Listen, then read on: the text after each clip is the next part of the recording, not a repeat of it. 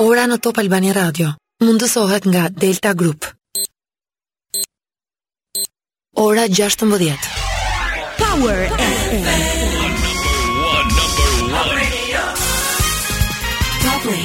Flash në Top Albania Radio. Informacionet kryesore të ditës. Po ndiqni përmbledhjen e orës 16, unë jam Ani Bame. Çdo muaj mjekët specialistë në vendin tonë do marrin 50000 lekë plus pagës bazë duke nisur nga 30 prilli këtij viti. Kjo u bë e ditur sot nga kryeministri Edi Rama. Në prill, në këtë prill, jo në prillin e vitit tjetër, jo në 1 prill, po në 30 prill, mjekët specialistë do të fillojnë të marrin 50000 lekë të reja plus në pagën e tyre. E përsëris janë të reja, domethënë janë 500 dollarë në muaj plus, Domethënë janë gjashtë mijë dollarë në vit, nëse aritmetika ime është e saktë. Kreu i qeverisë vuri në dukje se rritje pagash do ketë dhe për mjekët e familjes apo infermierët. Ndërkohë që do të mbajmë zotimin për rritjen shtatë për qind të pagës për mjekët e përgjithshëm dhe për infermierët, shpresoj që mjekët specialistë mos ta kërkojnë dhe shtatë për qind mbi pesëdhjetë mijë lekëshin. Dhe në ndërkohë edhe mjekëve të përgjithshëm dhe infermierëve u them, se ne po përgatisim rritje proporcionale me këtë të mjekëve specialistë dhe besoj shumë që në në hyrje të 2024-s do të kemi edhe për mjekët e përgjithshëm dhe për infermierët një rritje të ngjashme. Kryeministri foli në Kongresin e parë të Shëndetësisë ku përmendi dhe problematikën e eksodit të bluzave të bardha. Nuk do lejohet më që mjekët dhe infermierët që shkollohen me paratë e taksapaguesve shqiptarë të shkojnë të punojnë në Gjermani sapo të marrin diplomën në dorë.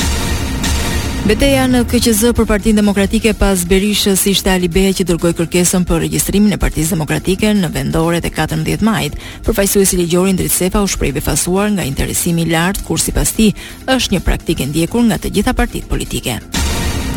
Pasi Alibeaj dërgoi në KQZ kërkesën për regjistrim Berisha tha se nuk ekziston fraksioni. Sipas tij PD është një dhe vetëm e anëtarësisë. Është ajo me mbështetje masive te shqiptarët që ka vendimin e gjykatës së faktit për regjistrimin. Bashës dhe Alibeajt iu referua si fraksioni i pengjeve të Edi Ramës. Mbrëm Berisha depozitoi në KQZ dokumentacion për regjistrimin e Partisë Demokratike si subjekt zgjedhor në lokalet e katërmbëdhjetë majit. Bie në sy se emri Partia Demokratike përmban dy shenja nistore, PD, PDSH.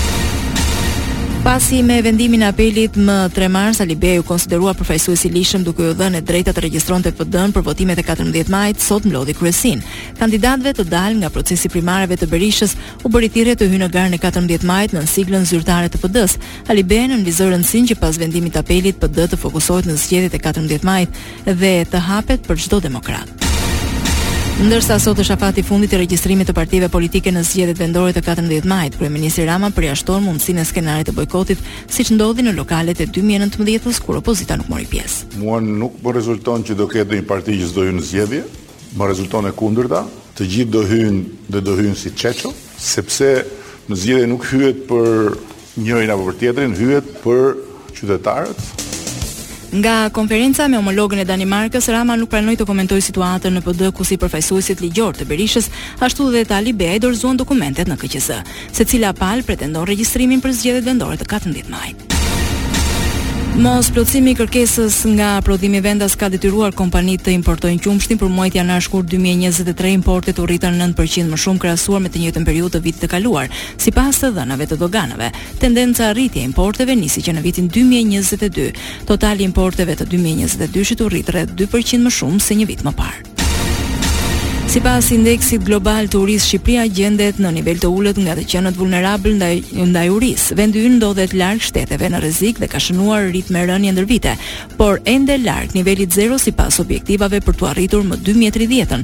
Të moshuarit dhe anëtarët e grupeve minoritare janë veçanërisht të prekur. Raporti sjell në vëmendje kequshqyerjen e fëmijëve me përqindje të papërmirësuar në vitet 2014-2022.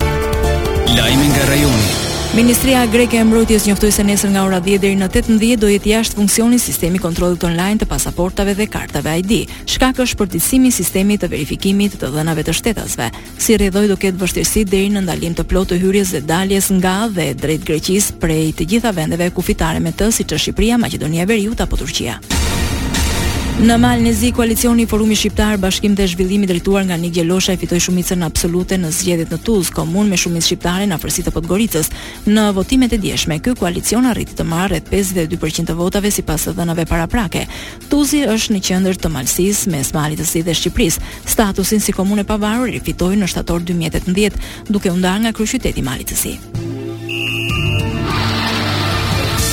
Sport. Java e 24 e Superiores në këto çaste nis të luhet përballja Teuta Vllaznia në stadiumin Niko Dovana të Durrësit. Më herët u mbyll 1-2 Laçi Kukësi ku verilindorët përmbysën kurbinasit me Kukësin që pas shumë javësh del nga zona e ftohtë e renditjes.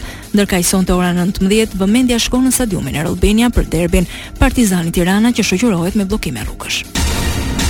Policia e Kryeqytetit ka hartuar plan masash dhe nga ora 16 deri në përfundim të aktivitetit bllokohen rrugët Lekë Dukagjini përreth stadiumit si dhe rrugët Dervish Hima, Filip, Gjergj Filipi, Papa Gjon Pali II nga kryqëzimi me Ismail Qemalin te Air Albania. Bulevardi Dëshmorët e Kombit nga Presidenca te sheshi Nënë Tereza. Parashikimi i motit. Edhe këtë fillim jave vendi ynë do vijojë të ndikohet nga kushte atmosferike të paqëndrueshme, orët në vazhdim priten shira me intensitet të ulët dhe mesatar. Në mbrëmje do shoqërohen me shkarkesa elektrike sidomos në veri. Temperaturat luhaten nga 0 në 18 gradë Celsius. Këtu kemi përfunduar edicioni i radhës është në orën 17. Kjo është Top Albania Radio.